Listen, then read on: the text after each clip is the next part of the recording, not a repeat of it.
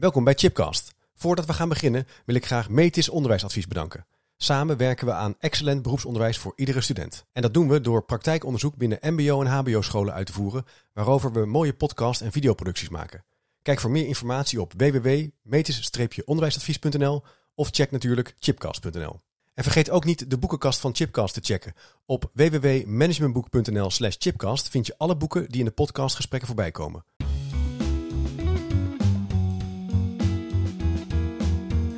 Welkom bij Chipcast, een podcastserie waarin ik op zoek ga naar nieuwe perspectieven en ongewone antwoorden op vragen die mij bezighouden. En vandaag staat een bijzonder thema centraal: verwondering, nadenken, filosofie. Met de werktitel De Denkende Klas. Hoe motiveer je leerlingen door samen met hen vragen te stellen en na te denken? En dat gesprek ga ik voeren met Dick, Dick van Wateren.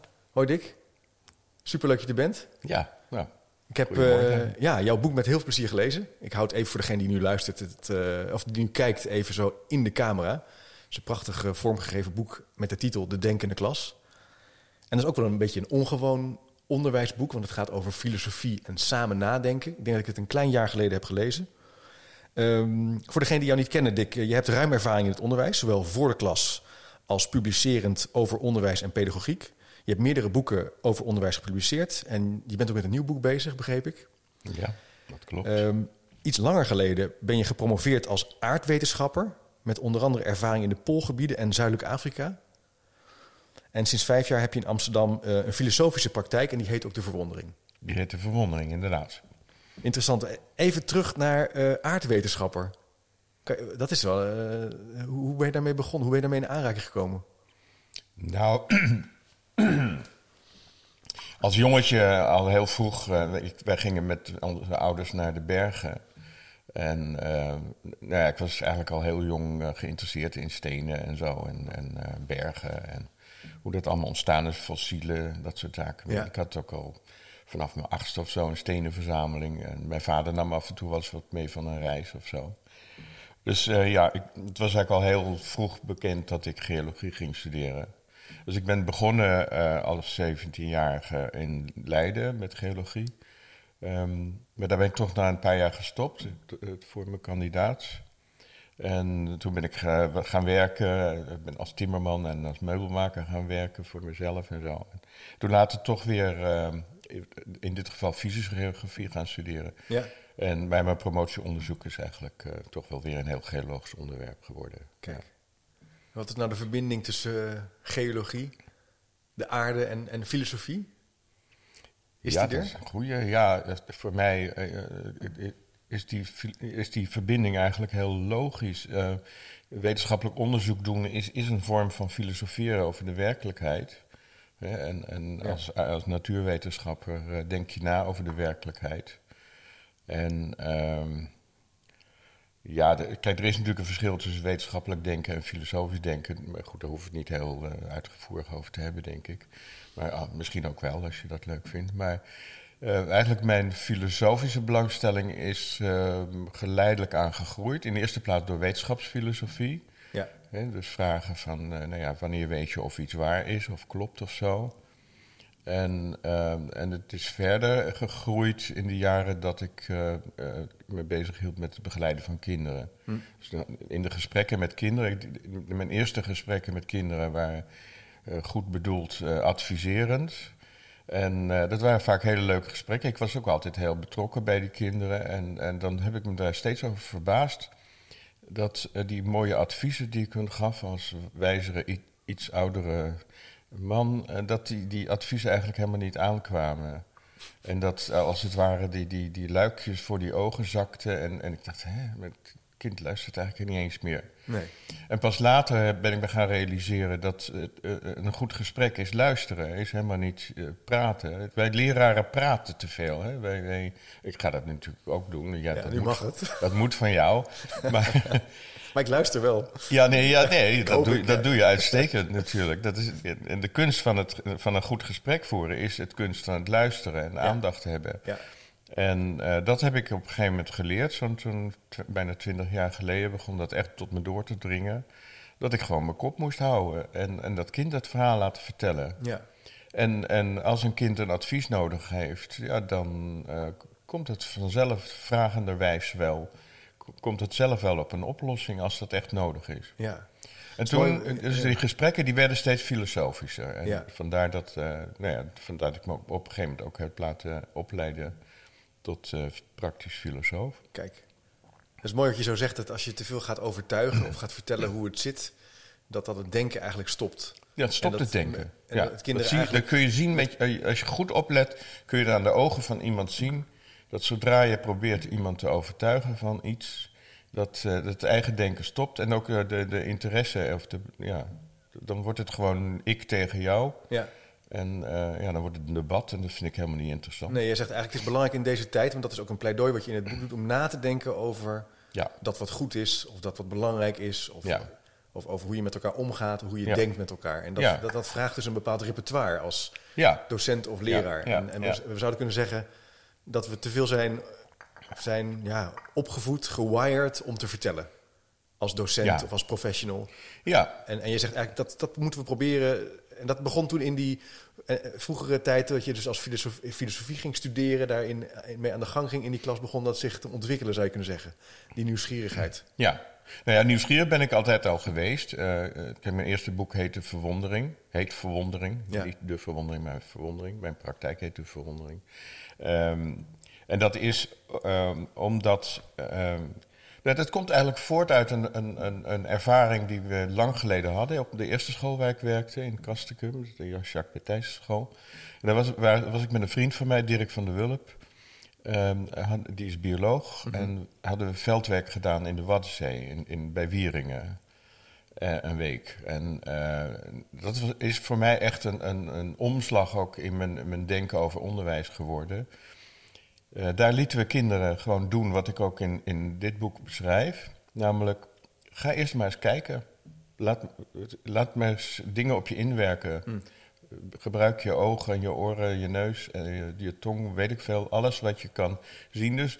En, en daar liepen we soms tot eh, ons middel door het water eh, van de Waddenzee. En dan zagen kinderen bepaalde dingen. En, en kwamen dan bij ons van, eh, wat is dit? Ja. Dan zeiden we, nou, dat is nou eens een goede vraag. En die ga jij onderzoeken deze week.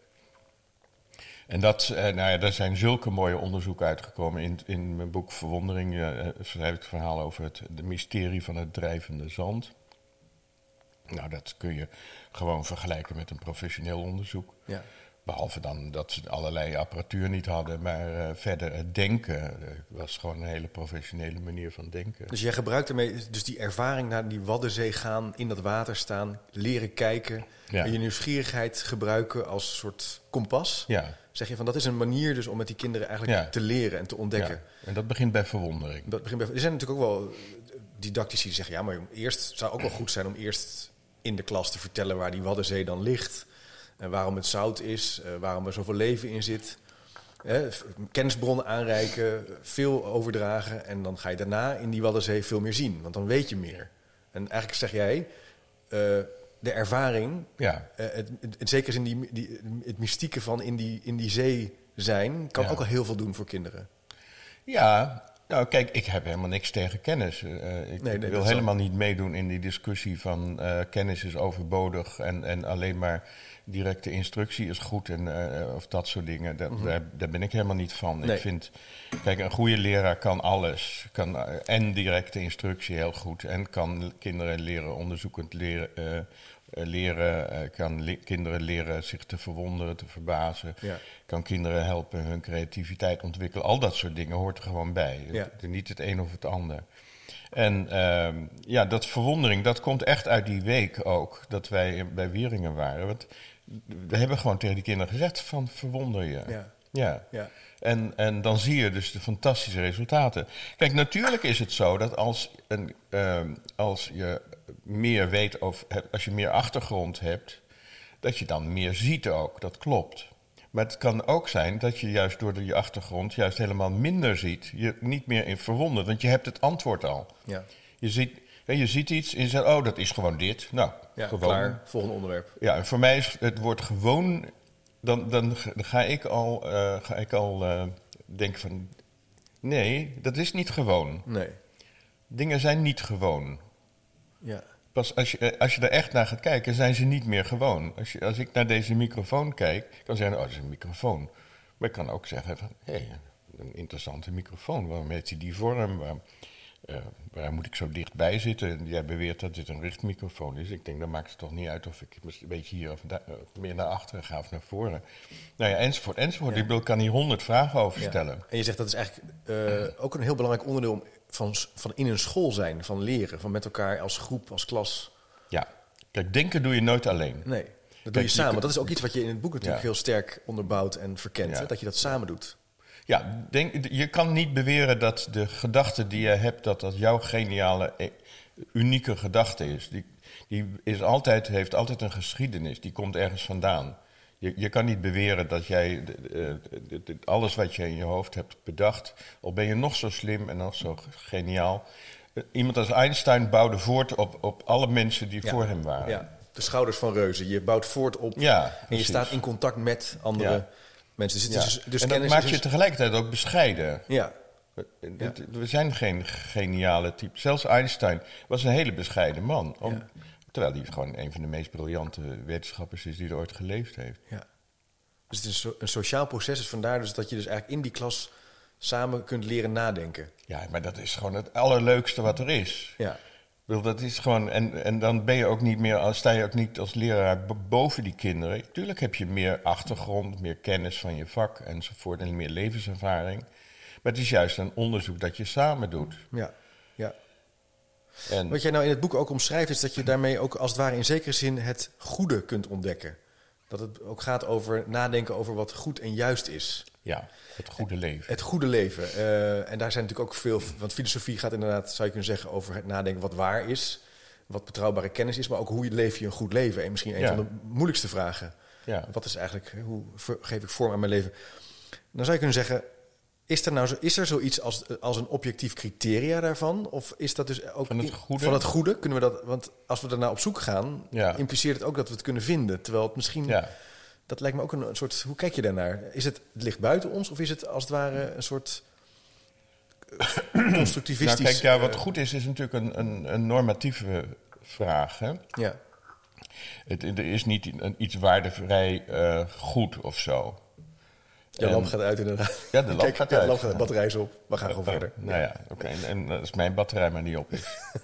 Precies. Ehm, ja, kijk, wat, dus met andere woorden, eh, omdat het eh, iets normatiefs is, eh, niet, niet iets, iets wat buiten onszelf bestaat, het, het, het betekent het, heb je ook de verantwoordelijkheid om na te denken over wat goed is. Ja, En ehm, ja, ik, ik gebruik graag de Bista zijn, zijn eh, gedachten over onderwijs. En een van zijn spreuken is, ja, is wat, wens, eh, wat ik wens ook wenselijk? En dat is een vraag die we steeds moeten stellen aan, aan onszelf, maar ook aan de, aan de kinderen die wij begeleiden. En dat is een, een, een, een vraag naar het goede. En, ehm, Kan je daar een voorbeeld van geven hoe je dat met kinderen zou, eh, zou kunnen doen dan? Of waar dat over kan gaan? Nou ja, goed, iets wat natuurlijk heel actueel is vandaag, het, het hele, dat hele gedoe rondom COVID. Ja, Ehm, ik kan me heel goed voorstellen dat kinderen, en zeker iets oudere kinderen, de 18-jarigen of de, de jonge volwassenen, dat, dat die het echt gewoon zat zijn om, eh, om, om steeds maar binnen te zitten en, Ja. en niet naar college te kunnen of naar school te kunnen, niet met vrienden, niet naar het café enzovoort. Dat, dat kan ik me heel goed voorstellen. Ehm, maar dan kun je natuurlijk zeggen, ja, ehm, ik trek me lekker niks van de rest van de wereld aan. Hè, en het maakt mij nou uit, ik word, word toch niet echt ziek. En, maar of, en of ik een ander besmet, nou ja, dat is mijn probleem niet. Nee. Dat is die ander een probleem. Dan kun je dus die vraag stellen van, ja, als jij dat wenst, is dat echt wenselijk? En denk eens na over de consequenties. En is, zijn dat ook de consequenties die je wilt? ja, heb je, eh, eh, vind je het ook geen probleem als je oma bijvoorbeeld eh, doodziek wordt van, van, doordat jij bes- haar besmet? Nou, kun je over nadenken. Ja. En dan kun je nog steeds zeggen van ja, nee, daar heb ik scheid aan. Die Ja. oma die kan mij niet schelen, die is toch veel te oud, die moet maar eens dood of zo. Maar goed, eh, misschien denk je dat dan toch wel niet. Maar in elk geval die vraag stellen, ja, zonder dat je eh, mensen verplicht om ook echt het, het, jouw antwoord te accepteren. Dat is een belangrijke opvoedkundige eh, bezigheid die je kan doen. Ja, dus ook die dialoog met elkaar. Dat eigenlijk, Ja. eh, zoals Hannah Arendt zegt, een soort publieke ruimte zijn... waar je dus ook Ja. met elkaar dat gesprek moet voeren over de spannende vraagstukken. En ik heb het gevoel dat dat eigenlijk dat dat steeds... of dat dat minder gebeurt. Dat we ook wel eh, dat Ja. bepaal, even in de, in de wereld van volwassenen van kranten... dat bepaalde kranten bepaalde redenering hebben. Er zijn weinig platforms waar je echt die, die, die, waar tegenkracht wordt georganiseerd. Precies, ja. En waar ongewone opvattingen tegenover elkaar komen te Ja. staan. Nee, Langer dan vijf minuutjes, zeg maar. hè. Dat is tegenwoordig allemaal clickbait natuurlijk. Ja, En dat, ik, ik heb ook het idee dat dat op scholen ook gaande is. Van, ehm, terwijl er volgens mij heel veel behoefte aan is in deze tijd. wat is er gaande op school? Nou, dus eh, minder dialoog. eh, Ja, ja, of, ja, of zeker. moeite of zoeken naar hoe, hoe voeren we dat gesprek in een stedelijke context over nou ja, burgerschapsvraagstukken of over belang van kennis of over het belang van een diploma of Precies. over datagebruik. Ja. Een heel praktisch voorbeeld. Nee, jij zegt terecht het woord dialoog. Eh, waar, waar ik niet zo in geïnteresseerd ben, is een debat. Nee. En, en debat is een onderdeel van het onderwijs. Bij Nederlands moeten die kinderen een debat voeren. Ja. Ja, ik zou veel liever willen dat die kinderen leren een dialoog te houden. En dialoog betekent, eh, het, het, het gaat meerdere kanten op. Een dialoog kun je met meer mensen hebben, niet alleen met z'n tweeën, maar ook met een hele groep. En het betekent in eerste instantie, net zoals ik eerder al zei, goed luisteren. Ja. En je bijvoorbeeld afvragen, wat is er in de woorden of de bewering van wat die persoon tegen mij zegt, dat ik zou voor waardevol kan, zou kunnen accepteren. En je hoeft niet elke eh, bewering over te nemen, maar je kan in elk geval de- je openstellen Ja. voor de ander, je in, ook in een ander verplaatsen. Ja. Dus het een genuanceerder dan goed of fout. Je kan ook zeggen, dat element, Ja. dus leren luisteren gaat ook over... dat stukje vind ik interessant, Ja. dat doet dit met me. Precies. En je zegt eigenlijk, dat is een dialoog. En dat, dat is iets waar we, dat kunnen we leren. Dat kunnen we heel goed leren. Ja. ik, ik ben nu bezig met een cursus aan, aan, aan Delftse hoogleraren en, en andere onderwijsmensen.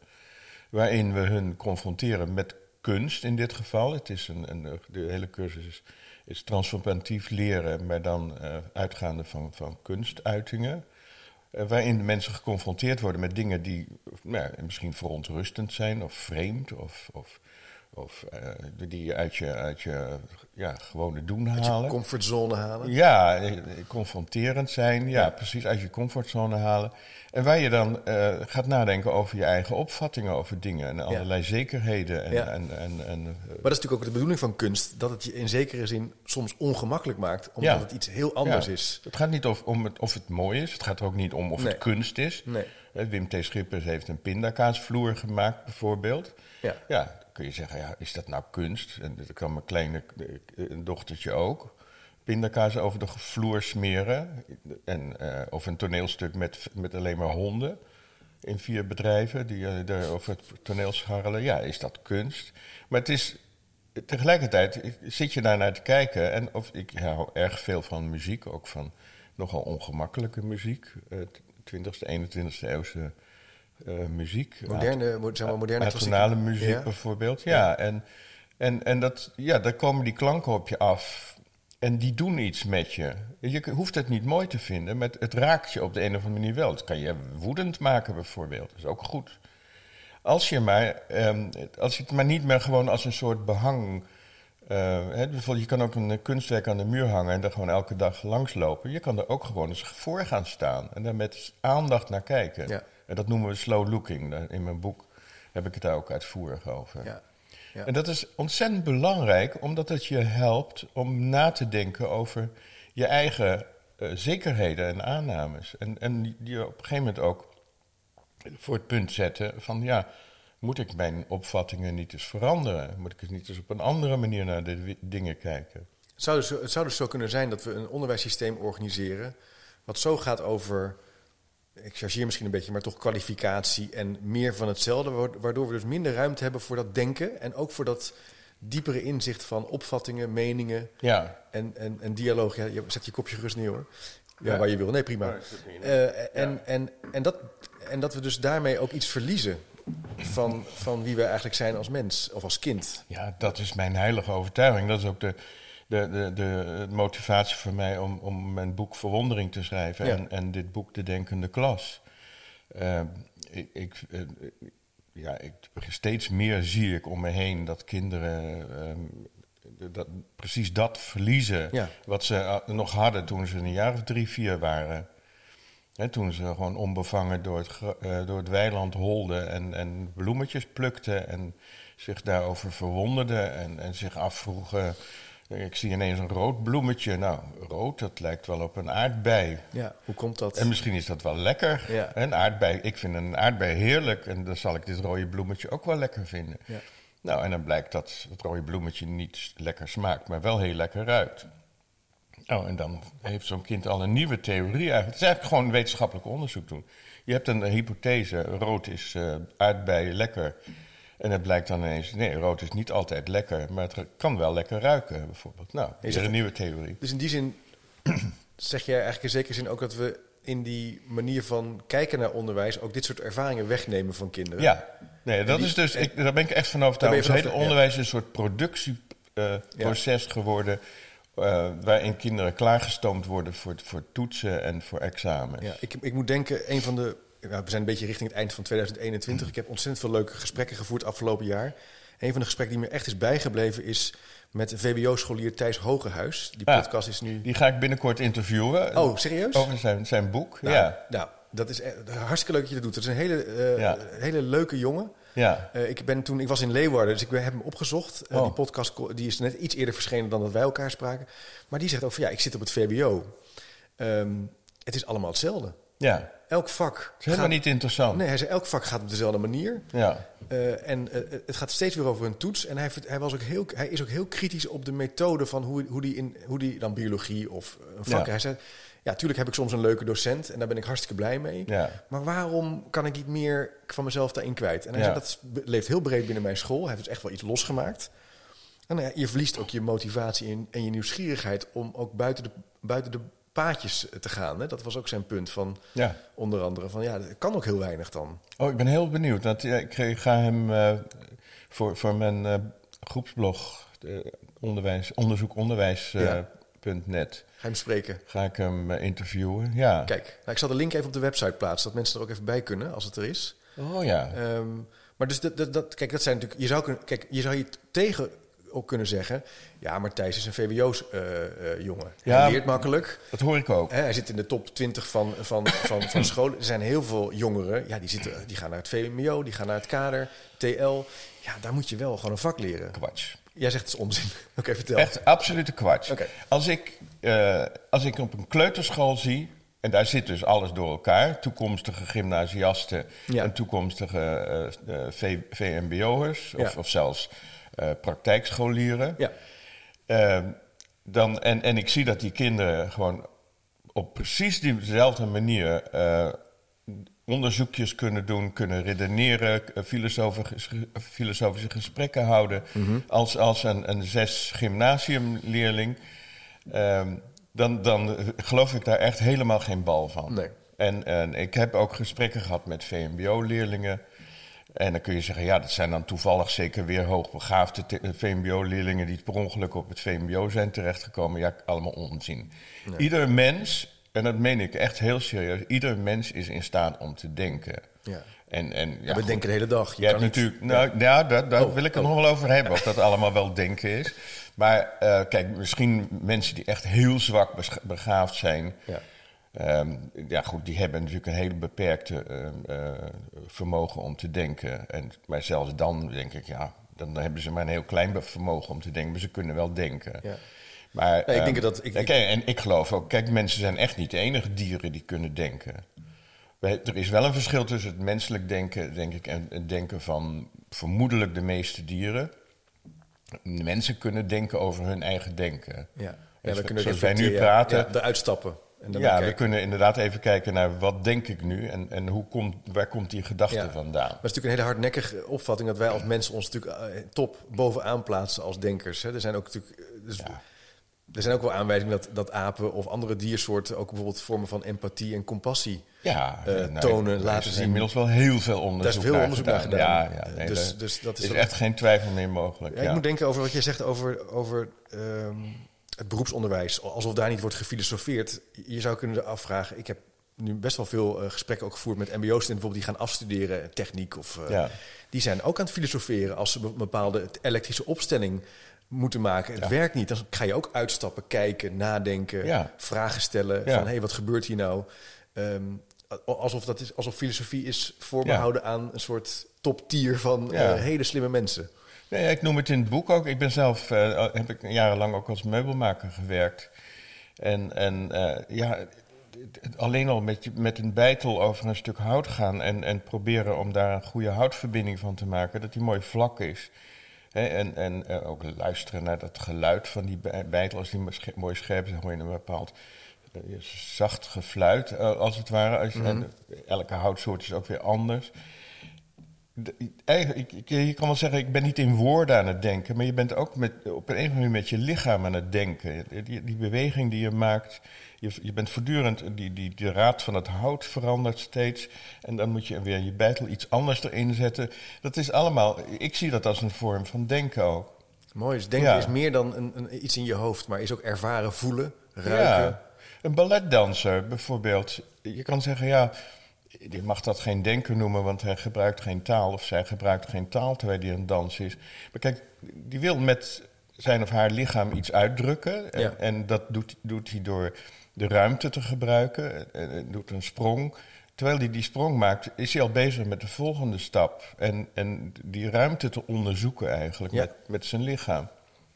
Prachtig. Ja, Meer dan dus alleen eh, praten, maar ook ervaren, voelen, ja. meemaken. Het voorbeeld van, van eh, de Wieringen, hè, waar je was, maar Ja. ook het vorm van dansen, het vorm van hout bewerken. Dat kan je dus ook in de klas brengen, zeg jij eigenlijk ook. Hè? Ja, en dat kan iedereen. Dat, kun je ook op het VMBO of Ja, tuurlijk, ja. de praktijk. Kan je, eh, Wat wel, ik was toevallig gisteren op een school boven, boven Hoorn, waar ze met ontdekkend leren en onderzoekend leren eh, best wel ver zijn. Hè? In, Mhm. in, in groep 5, 6, 7, 8 en met, met eh, vakoverstijgend eh, werken. Wat ik daar interessant aan vond, is dat het soms tegenover instructie en didactiek wordt geplaatst. Hmm. Alsof het een soort vrije vrijplaats is waar kinderen zomaar rondlopen. Maar dat er eigenlijk best veel professionaliteit gevraagd is van een leraar of een docent om dat te begeleiden. Hmm. Bijvoorbeeld eh, was het voorbeeld van de onderzoeksvraag van een kind: wat is een, wat is een hamster? Hmm. Dat is een goede beginvraag. Dat is een hele goede is een leuke vraag. beginvraag. Wat is maar een hamster? ze zei ja, op een gegeven moment wil je misschien ook iemand helpen om te vragen, om, om misschien te nadenken wat voor soort diersoort, eh, hoe plaatsen we dat in andere Ja. diersoorten in de historielijn. En dan moet je ook in je instructie en je uitleg ook dingen kunnen. Wat, dus waar ik naartoe zou willen is, wat moet je dan kunnen als, als docent of leraar als je dit proces in zo'n klas wilt aanwakkeren? Ja, dat is een goede vraag. Ehm, ik- ik zeg het ook in het boek wel. Ehm, kijk, je kan, in, in het boek heb ik overal, eh, bij elk hoofdstukje zitten heel veel praktische Ja, eh, voorbeelden of ja, praktische aanwijzingen om, Ja. om, om dingen te doen. En dat zijn met name die hoe-stukjes, die hoe-paragrafen. Dan- Ja. Hoe doe je iets dan? ja, Eh, je zou natuurlijk, als je zegt van ja, dat boek is me veel te dik. eh, ik sla gewoon al die, eh, die, die theoretische dingen sla ik gewoon over. Ik doe gewoon, ik, ik, ik kopieer die, die hoepparagraafjes. En dan heb ik gewoon een, eh, nou, een handig eh, eh, boekje, een heel klein boekje, Ja. waarin ik gewoon lekker mee aan de slag kan. Wat je dan niet doet, is namelijk jezelf veranderen. Als je dit wil doen, kom je er niet onderuit door zelf eigenlijk ook zo te worden.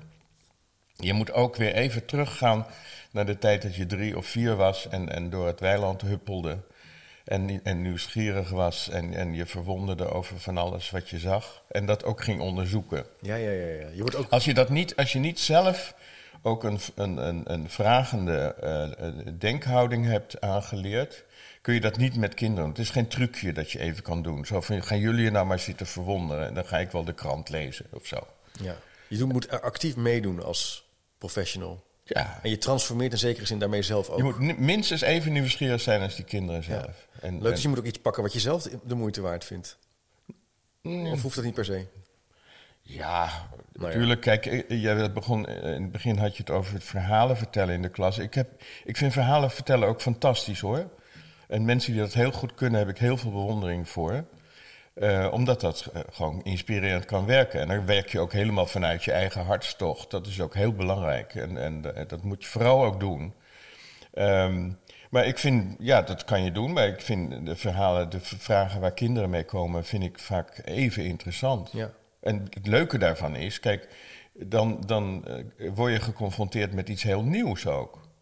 Dat is voor jezelf ook een avontuur. Ja. Hè, onze cursus in Delft voor die Delftse professoren heette ook een ecological, eco-logical adventure. Het Ja. is een avontuur waar ze in tien eh, middagen eh, in worden gestort. En, eh, en, en denken met je leerlingen en, of je studenten is een, echt een avontuur. Voor jezelf en voor je leerlingen of studenten. Ja, ik moet denk ik, eh, vind het heel interessant dat je dat zo zegt, dat je zo participeert. Ik, ik geef nu bij de UvA een vak eh, leren en innoveren in organisaties. En dan doen we met studenten onderzoek naar verander- of leervraagstukken Ja. in bedrijven. En daar hebben we ook het, het, het idee uitgewerkt. Dat is overigens door Jozef Kessels bedacht, een paar jaar eerder, mijn, Mhm. mijn collega.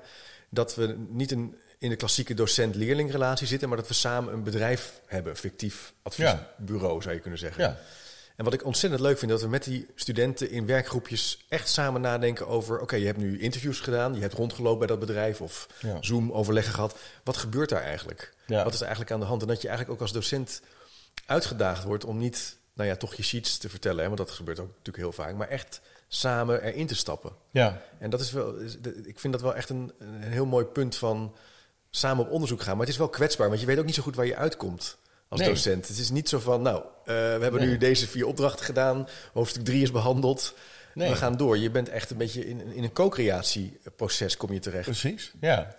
Ja, maar is dat erg? Ik, eh, kijk, nee, dat, precies, is, ja, dat dat is ja. inderdaad eh, de, hele makke van ons onderwijs.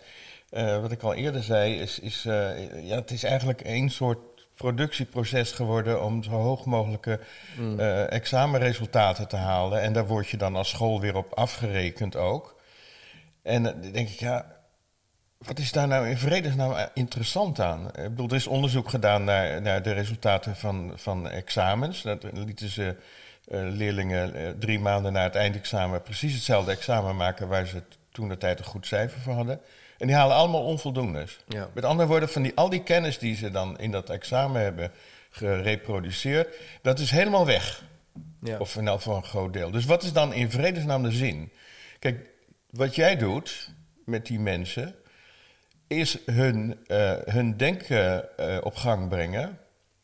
En dat is wat blijvend is. Want dat denkproces kun je steeds weer eh, terughalen. En misschien dat ze die feitjes vergeten zijn. Al zou je raar staan te kijken hoeveel daarvan blijft hangen. Daar heb ik ook hele goede ervaringen mee. Maar het is dat denkproces, dat is belangrijk. Wat ik aan mijn natuurkundeleerlingen probeer uit te leggen is... je moet niet die formule uit je kop leren. Die, die betekent niets. Dat zijn gewoon lettertjes en, en, en cijfertjes. En die betekenen verder niets. Nee, ik wil dat je begrijpt waarom die zo is. Ik wil dat je het denkproces van Newton navolgt... en die formule van de zwaartekracht van hem... Hè, ons hele, eh, alle sterren en, en planeten Ja. enzovoorts, en wij zelf ook. Hangt daarmee samen? Is hangt daarmee samen. eh, Ja. Kunnen we daar dagelijks mee verklaren. Ik wil dat je dat gewoon, die formule gewoon zelf weer opnieuw verzint. En als je dat, als je dat doet, door gewoon met hun te denken, die formule gaat nooit meer uit hun hoofd. Want Nee, zelfs- eigenlijk, dat, is heel, dat vind ik heel interessant, dat het denken blijft. Dat denken voor, is, dat wordt eigenlijk alleen maar groter, oneindig in ons Precies, brein, in, ja. in samen onderzoek. dat groeit alleen maar. Dat groeit alleen maar. groeit en als je dat aankrijgt, en daar gebruik je filosofie verwondering voor, nadenken over zo'n formule. Dat kan eigenlijk dus over natuurkunde gaan, maar het kan ook over eh, ja, een huis bouwen. eh, Ja, het kan van alles metselen, eh, verzin maar wat. in, Ja. de, in de Waddenzee rondlopen. Ja, Dat denken aan, aankrijgen. ja. En, toch, ehm, ja, oké. ik ken ook wel, ja, ik zit, er, ik zit gewoon hard op te denken hoe dat zich dat verhoudt met parate kennis. Want je, vaak zie je wel dat, Ja. dat mensen die Ja. eh, heel goed zijn in natuurkunde, mijn vader bijvoorbeeld is een soort eh, natuurkundige Ja. whiskit, die kan allerlei dingen gewoon zo, schrijft hij zo op. Die Ja, sneller dan je dat hij daar aangekomen is? Niet Door na te denken, zeg jij. Niet door, de- door een boek uit zijn kop te leren. Nee. Nee. Natuurlijk, dat helpt Dat ook. helpt wel, dat zou ook kunnen, ze- zou misschien. Ja. Jawel, natuurlijk. Ik, ik heb voor mijn studie ook gewoon hele dikke boeken door Ja. moeten werken. En Ja. ik zeg ook wel eens tegen mijn leerlingen die, die nu zeggen van... ja, ik, hou eigenlijk niet zo van boeken. Nou, dan eh, gaat je dan dun door je broek lopen. Want straks moet je bij je eerste tentamen... moet je al zo'n pil leren in, in drie maanden tijd. Ja, dat hoort er gewoon bij, zeg je. Maar dat denken, Tuurlijk. dat is niet in plaats van denken. Je zegt dat denken is een activiteit Ja. die je kan aanjagen en groter kan maken. Nee, als ik nu een boek lees, dan, dan doe ik dat denkend. Ik stel steeds vragen aan de auteur. Van, jij, hè, dat doe ik ook Uh, als ik, uh, ja, de goede vrienden van mij die wetenschappelijk onderzoek hebben gedaan, die beweren iets, die hebben iets gevonden. Mijn eerste vraag is: waar, waarop berust dat? Ja. Waarom zeg je dat? Je dat doe ik ook als ik een boek lees. Ja, dus verklaring zoeken, op zoek naar de premissen van een bepaalde stelling, de onderbouwing, dat is iets wat je, wat je helpt om te blijven nadenken. In plaats van alleen maar de kennis ja, uh, te proberen te herinneren. Je zegt eigenlijk dat blijft nooit, maar dat denken blijft wel. Um, op Twitter is er een docent die zegt: Ja, hoe reageer je nou op uh, mensen die zeggen: Ja, hier hebben we helemaal geen tijd voor?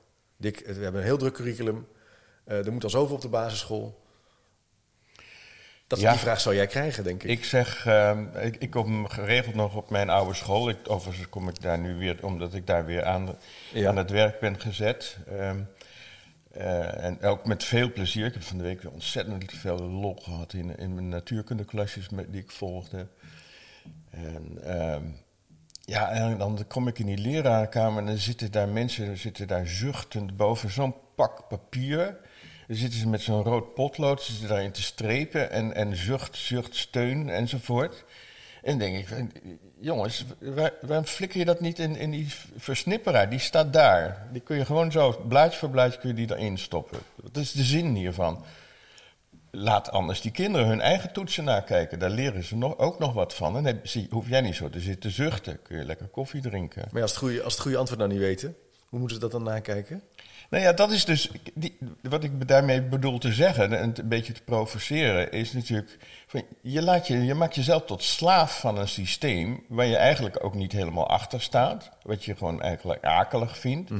waar, je, nou ja, waar je werkdruk van ondervindt en waar je ongelukkig van wordt. Terwijl je veel gelukkiger kan worden door gewoon met die kinderen. Ja, gewoon ga eens de wereld in, ga eens het bos in. Of ga eens uh, mensen in een winkelstraat je, hoeft, je zegt ook van je hoeft niet mee te gaan in die, in nee, die riedel doe van dat nou eens niet. Maar als je, jij komt dus dan zo binnen, jij zegt dat even. Ja, dat leidt natuurlijk ook tot fronsende blikken. Of ja, wat. Nee, ik heb me daar altijd ook aan gehouden. Ja, ik moest af en toe, gewoon voor de lieve vrede, dat, dat neem ik mezelf dan kwalijk, dat ik toch niet brutaal genoeg ben om te zeggen van nou, ik heb scheid aan alles. Ik doe gewoon mijn eigen ding. Ik heb het één jaar echt gedaan. Dat staat ook in het boek, het verhaal over die natuurkundeklas. En dat is me, is me enorm bevallen. Um, maar ik heb altijd gezegd van nou, we gaan niet uh, elke week toetsen. En ook nee. niet elke maand. Gewoon uh, af en toe. Ik, ik vind één of twee toetsen in het jaar vind ik echt voldoende. Mm -hmm. En, en de rest van de tijd, je, je kan het ook heel goed zonder toetsen. Ik bedoel, in High Tech High in San Diego, die ik in het boek ook noem, uh, daar hebben ze helemaal geen toetsen. Nee. Dus ze hebben steeds een project van een week of twee of vier of zes of soms acht. En uh, dat zijn hele lastige projecten. Ik bedoel, het, wordt, het is echt niet zo dat het maar een beetje aangeflodderd wordt en die kinderen maar mm -hmm. wat kunnen rommelen.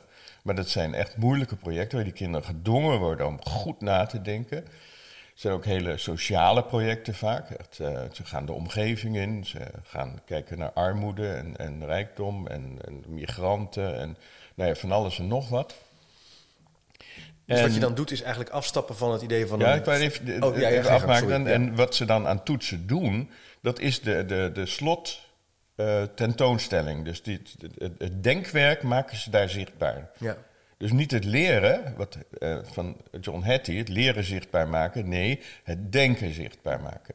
En dat is een uitstekende toets, want daar kun je dus zien dat al die gedachten die hebben tot een bepaald product geleid. Mm. En die hangen daar aan de muur en mm -hmm. daar kun je mee in gesprek gaan.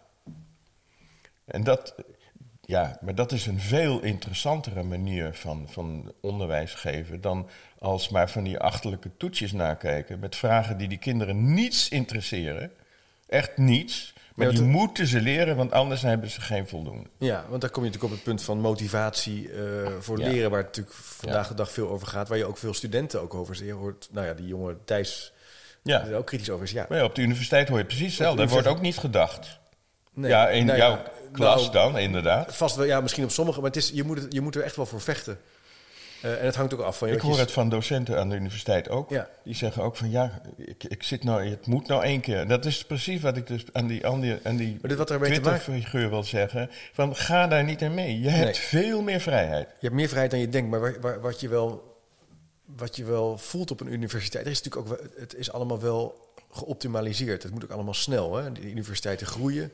Je moet uh, in bepaalde zoveel tijd je voorwerp doen. Het is een beetje, ja... Als ik in Delft rondloop, ik word er doodongelukkig. Ik het is niet meer een denkplaats. In die enorme ruimte zie ik daar uh, allemaal mm. mensen en die zijn maar aan het zwoegen. Die, uh, nee, mijn mijn co-docent Frank Auperlee is een kunstenaar. Uh, en die, uh, die, die, zijn hij geeft die cursus al, al een jaar of vier aan studenten ook. Dit is de eerste keer dat ze aan docenten geven. Um, en die zegt, die studenten zijn zo gestrest. Die zijn zo gestrest en alleen maar gestrest en gefocust op zoveel mogelijk hmm. punten halen, studiepunten en zo snel mogelijk uh, bij een heel uh, geavanceerd bureau terechtkomen en daar veel geld verdienen. Ja. En, en dat zit echt in een tunnel. Een en tunnel. En dat gebeurt eigenlijk ook al op de. Jij zegt dat gebeurt eigenlijk ook al vanaf heel jongs af aan. Ja, dat begint dus op de basisschool. En dan ja. gaan ze dus al die, al die CITO-toetsen doen. Of op de kleuterschool. Dat is toch ook een tijd. Uh, is daar sprake van geweest dat de kleuters al moesten gaan toetsen. Nou, ik vind dat gewoon kindermishandeling. Ja. Ik vind dat echt een schandaal. Nou ja, je zou er tegenover kunnen plaatsen. Je, je, zou er tegenover kunnen plaatsen. We willen weten of kinderen uh, mee kunnen komen als het gaat over taalontwikkeling, een bepaalde woordenschat hebben, of ze een cirkel kunnen tekenen, of ze, zodat we misschien verlengde instructie moeten aanbieden. Dat, dat, dat zijn dan de. Want ja. Je zegt het zelf. Ja. Of, ze, of ze taalontwikkeling hebben. Nou, wat denk je van een goed gesprek? Ja. Ik, ik zag ook altijd van, dan gaan die mensen gaan, uh, op die scholen, dan gaan ze toetsjes doen. Dan denk je, nou, ga eens door je klas, ga eens bij een kind zitten en gewoon een gesprekje hebben van, nou, over dit of dat. En ja. ja. soms is dat wel lastig. Uh, maar, dit, dus, als, maar goed, we moeten niet een soort deep dive in de toetsen doen. Maar wat, mensen, wat je hierop als repliek zou kunnen geven, ja, die docent of die begeleider, die is subjectief. Een kind heeft recht op een onafhankelijke toets zodat we ervoor kunnen zorgen dat kinderen door kunnen stromen op het niveau wat ze aan kunnen. Ja, misschien zien we iets over het hoofd. Kunnen, hè, dat, is, ja, dat is de realiteit waar we op een basisschool ook mee te maken hebben. Ja, kijk, natuurlijk, dus ik weet ook wel, er zijn kinderen die echt ook ja, gewoon een stoornis hebben. Ja, of, ja. Maar ja, ik bedoel, als je een beetje, een, een beetje ervaren kleuterjuf... Want ik vind, die mensen worden vaak zwaar onderschat. Er wordt net gedaan alsof een kleuterjuf maar een of andere dom mens is. Of een kleutermeester, maar je hebt helaas niet zoveel kleutermeesters. Maar, en eh, dat, dat eigenlijk maar ja, laag opgeleid en weet ik veel meer. Maar vergis je niet wat een enorme ervaring En een cruciale groep, hè? de kleuter en de groep drie. Daar wordt wel, hè, de schoolleider zegt wel, ja, die groep moet goed op orde zijn. Daar wil ik mijn sterkste docent of leraar op hebben. Ja, dat vind ik ook. De, beste docenten moeten dat, in, dat zeggen ze wel. onderin ja, zitten. Ja. Niet om daarmee de anderen minder belangrijk te maken, maar daar heb je wel een. Maar hoe zorg je nou voor dat dit denken? Want dit is natuurlijk een fantastische, super interessante en belangrijke manier van kijken naar leren, naar denken, naar ontwikkelen en ontplooien. Maar het kan zo snel in de marge komen van, nou, we hebben dus het curriculum en dan doen we dit erbij. En dat is echt niet wat jij zegt. Nee, nee, nee, nee. nee dus nee. Hoe, hoe, wat is belangrijk nu om, waar moeten we ons dan mee bezighouden? Als we dit dus meer in het hart van het onderwijs zouden ja. plaatsen. Ja, je moet natuurlijk wel, ja, je moet een beetje lef hebben. Je, je zei het zelf ook al met die cursus die jij geeft. Ja, de uitkomst is ongewis. Je kan het niet voorspellen. Hoewel je natuurlijk, je bent niet, helemaal, jij bent niet achterlijk. Je, je gaat niet voor, je, hebt wel een idee dat het ergens op uitkomt. Waar, waar precies, of het nou daar is of daar dat weet je natuurlijk niet. Maar het, is niet zo dat je ergens in Noorwegen uitkomt terwijl je van plan was om naar Madrid te gaan of zo. En, uh, en je komt ook wel een stukje verder dan Tilburg, ja. bijvoorbeeld.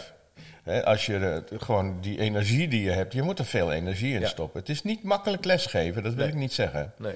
Zeker niet.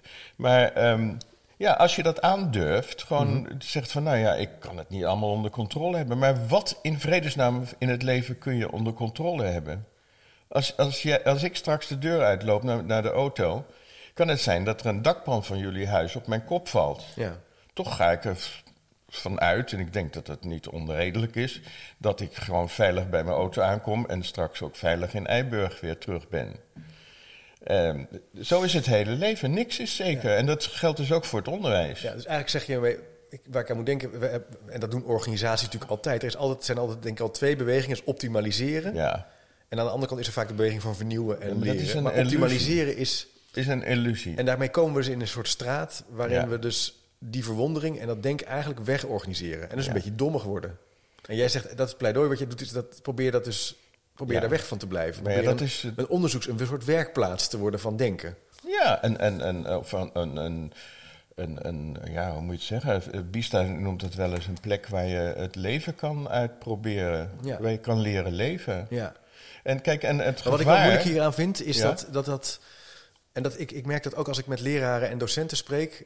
eh, het is een ongrijpbaar perspectief bijna. Ja, Dus het, is ook een beetje, het kan ook irritant worden van... ja, wat moet ik daar nou mee? Veel docenten en leraren vinden het lastig. Van oké, het goede leven lijf. Oké, maar wat moet ik dan doen? Dus nou, ga er eerst maar eens over nadenken. Ga erover wat nadenken. jij onder een goed leven verstaat. En wat, of liever gezegd, wat het goede leven eigenlijk is. eigenlijk zeg je, dat is een hele goede startvraag. Dus die irritatie mag je ook voelen. Oh ja, maar ik ben heel irritant hoor. Ja, dat- als ik klanten in mijn, eh, mijn praktijk heb, in mijn filosofische praktijk, dan stel ik een, sommige vragen stel ik gewoon meerdere keren, tot Ja. ze echt gewoon heel geïrriteerd raken. Ja, je schrijft ook, je haalt een, een, een, een citaat van Richard Feynman aan. Ik kan leven met twijfel en, en onzekerheid en het niet weten. Ja. Ik denk dat het veel interessanter is om te leven zonder het te weten... dan om antwoorden te hebben die misschien verkeerd zijn. Ja. Ik ben niet bang om dingen niet te weten... om verloren te gaan in het mysterieuze universum zonder een doel te hebben. Nou, Richard Feynman is niet de eerste de beste. hè? Nee. Is, is een van de grootste natuurkundigen van Ja. de afgelopen eeuw, een Nobelprijswinnaar. De Feynman lectures zijn ook wel beroemd. Heel inderdaad. En, en, eh, en Easy Pieces bijvoorbeeld, eh, waar hij inderdaad wat voor wat eh, meer lege publiek uitlegt wat hij bedoelt. Ja. Zijn grote ehm, eh, filosofische, hij noemt zichzelf geen filosoof, maar hij is het wel degelijk. Zijn grote filosofische uitgangspunt is het niet weten. Ja. Hij zegt dus kracht van een wetenschapper. Ja. En dat geldt dus niet voor een wetenschapper alleen, maar dat geldt voor ieder mens. Als je inderdaad kan, kan zeggen, ik weet het niet, pas dan kun je iets nieuws leren. Als, dus wij leraren moeten ook gewoon zeggen, ik weet het, Ik weet niet. het niet. Ik weet het niet. Gewoon, laten beetje- we maar eens gaan kijken waar we uitkomen. Want Ja. je, je weet ook niks. Laten we wel wezen. Hoeveel we- weten we nu eigenlijk? Als je zou kunnen zeggen van nou, de, dus, eh, dit is alles wat er misschien te weten valt. En Ja. het wordt Ja. meer en meer en meer. Dan weten wij ongeveer zoveel. Ja. En onze leerlingen weten nou ietsje minder. Maar op dat geheel is dat niks. Dus met andere woorden, we weten amper meer dan onze eigen leerlingen. Ja. Dus laten we niet net doen alsof wij de grote experts zijn. Laten we gewoon naar elkaar luisteren. ja, je zegt dat is juist een sterk startpunt om na te Ja. denken. Ja, de enige manier heel om, mooi om hier- echt verder. Als je zegt, ik weet het, dat is volkomen on- oninteressant. Ja, dit is. Mensen die het allemaal weten, nou ja, die weten het al. Nou, dan kunnen ze net en zo en goed jij, wil, jij wil daar best ver in gaan. 2 plus 2, 2 plus 2, ja. toch? Staat is op- 2. Is 2. Is, eh, hè, dus, eh, zelfs ik, ik schreef dat boekje 1 plus 1 is 11... omdat mijn middelste zoon Abel heel lang van mening was... dat het ook achter elkaar geschreven kan worden. Dan is het 11. Het is ook zo. Volgens programmeurs overigens een slimme oplossing... want in programmataal is dat Ja. handig, schijnt. Nou, ja. Ja, dat is zo. Dus ja. jij zegt eigenlijk van, daar mag je best ver in gaan. Wat ik er, heel, wat ik er ontzettend leuk aan vind, je haalt eh, in het begin hè, die, je studie aardwetenschappen, de natuur, de, Ja. de, de, de koppeling tussen natuur en filosofie. Ehm, ik heb recent geluisterd naar een hele podcastserie van een, van een filosoof die zei: Ja, je moet eigenlijk ook filosofie altijd proberen te begrijpen in de tijd waarin het is ja, ontdekt, want dat helpt. tuurlijk. Dus, eh, en dan Aristoteles leefde in een bepaalde tijd, dus Ja. die kwam met bepaalde theorieën. En nu leven we in een bepaalde tijd. Het is niet zo gek dat we het nu het over sociaal constructivisme hebben. Ja, Als het gaat over, hè, want de, de natuurkunde is ook in, in een beweging aan het gaan. ja, Dus dat is ook wel cool eraan, hè, dat we op die manier weer filosofie eigenlijk verbinden aan, aan de aarde, aan leven, aan, Ja. aan nadenken. Ja. Ja, in plaats van dat we als het ware doen alsof wij buiten de natuur zijn. En ons verheven mogen voelen als soort precies. nieuwe god die onsterfelijk gaat worden, et cetera, et cetera. Dan zeg je precies het, het juiste. We, we kunnen niet. Dat is een, een illusie van, van. Of eigenlijk een verkeerde opvatting van wetenschap. Die eh, nou ja, een paar eeuwen geleden is ontstaan in, in de verlichting. Waarbij eh, eh, men dacht dat we inderdaad objectief van buitenaf naar de natuur kunnen Ja, kijken. de natuur naar, kunnen beheersen. Naar het universum. Maar er is geen buiten het universum. Er is, er is geen mogelijkheid om van buiten naar het universum te kijken. We zitten er middenin. Ja. Al, elk atoom, elk, elk molecuultje in ons lijf is ooit een, van een ster geweest. Ja. Zuurstof komt uit, uit eh, de, de- de supernova-ontploffingen bijvoorbeeld. En koolstof, Ja. dat soort dingen. Dus we zijn, We zijn gewoon de natuur. stukjes van, van het heelal. En als we doodgaan, dan gaan die stu- stukjes weer terug in het heelal. En, Mm. en, en vormen weer hele andere dingen. Dus je- we kunnen niet van buiten kijken. Dat is een echt een, en dat is ook dat is echt een van mijn grote ergernissen van schoolboeken. Dat wordt voorgesteld alsof dit de waarheid is. En die kinderen die moeten dat dan, het boek gaat open. En Ja, ja. Dit is de waarheid. Als je dit leert, dan weet je het. En je zegt, dat is een beetje een, een, een overlevering van de verlichting. Toen dachten we, de, de, Ja. de logisch positivisten, de, de wereld ligt buiten ons. We kunnen Ja. dat kennen. Ja, het heeft ons ook geen windeieren gelegd. Daardoor hebben we natuurlijk allerlei vooruitgang weten te boeken. Ja, maar ook een heleboel je zegt, achteruitgang. we zijn ook iets kwijtgeraakt, in zekere Nou, zin. kijk maar naar de wereld om ons heen. Ja. Ik bedoel, die shit die we nu eh, achterlaten voor onze kinderen, voor jouw kinderen, voor mijn kleinkinderen, dat ligt er niet om. Nee. En dat komt eigenlijk door een bepaalde manier van kijken naar de wereld. En in zekere Ja. zin dus ook met, naar leren. En dus in zekere zin ook Ja. naar onderwijs. Ja. Nou, dan, hebben we toch een, dan maken we in zekere zin de opmaat naar een nieuw gesprek, denk ik. Want daar moeten we het toch wel een keer over hebben. Nou ja, daar gaat mijn nieuwe boek dus over. Wat, Oh, wat dat tof. ik met een oud leerling ga schrijven en Kijk. een, een oud collega. Wat leuk. Ja, Dus dan hebben we een mooi bruggetje naar misschien een, een uitnodiging voor een nieuw gesprek. En dan gaan we gewoon aan tafel zitten. Dan moet die oud-leerling er gewoon bij komen. Ja. Weet je al de titel? Of is dat nog de... nou, het, de voorlopige titel is eh, De wereld in de klas en de klas in de wereld. Ja. Kijk, tof. Nou, Ja. Dick, ontzettend leuk. Dankjewel wel voor het eh buitengewoon interessante gesprek. Ik vond het leuk. Ik ook. Ik, eh, heel erg interessant eh, om met je over te praten. Het blauwe lampje ging uit, maar eh, nou, dat was het enige van, van techniek wat ons even in de, in de, in de, in de steek liet. Beste luisteraar, als je nu luistert en denkt... hey, dat boek, daar wil ik meer over weten... kijk even op chipcast.nl. Het is een ontzettend mooi boek. Leesbaar, toegankelijk, met heel veel praktijkopdrachten. Dat vind ik zelf heel erg leuk aan.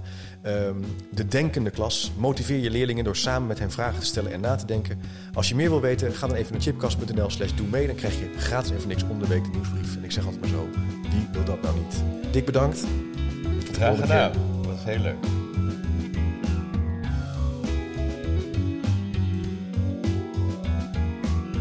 En tot slot nog even dit. Managementboek is ook begonnen met een podcast, De Boekenpraktijk. Elke twee weken onderzoekt presentator Willem van Leeuwen samen met auteurs en praktijkgasten hoe de theorie van managementboeken aansluit bij de soms weer barstige praktijk. Beluister de Boekenpraktijk via je favoriete podcast-app of ga naar www.managementboek.nl/podcast.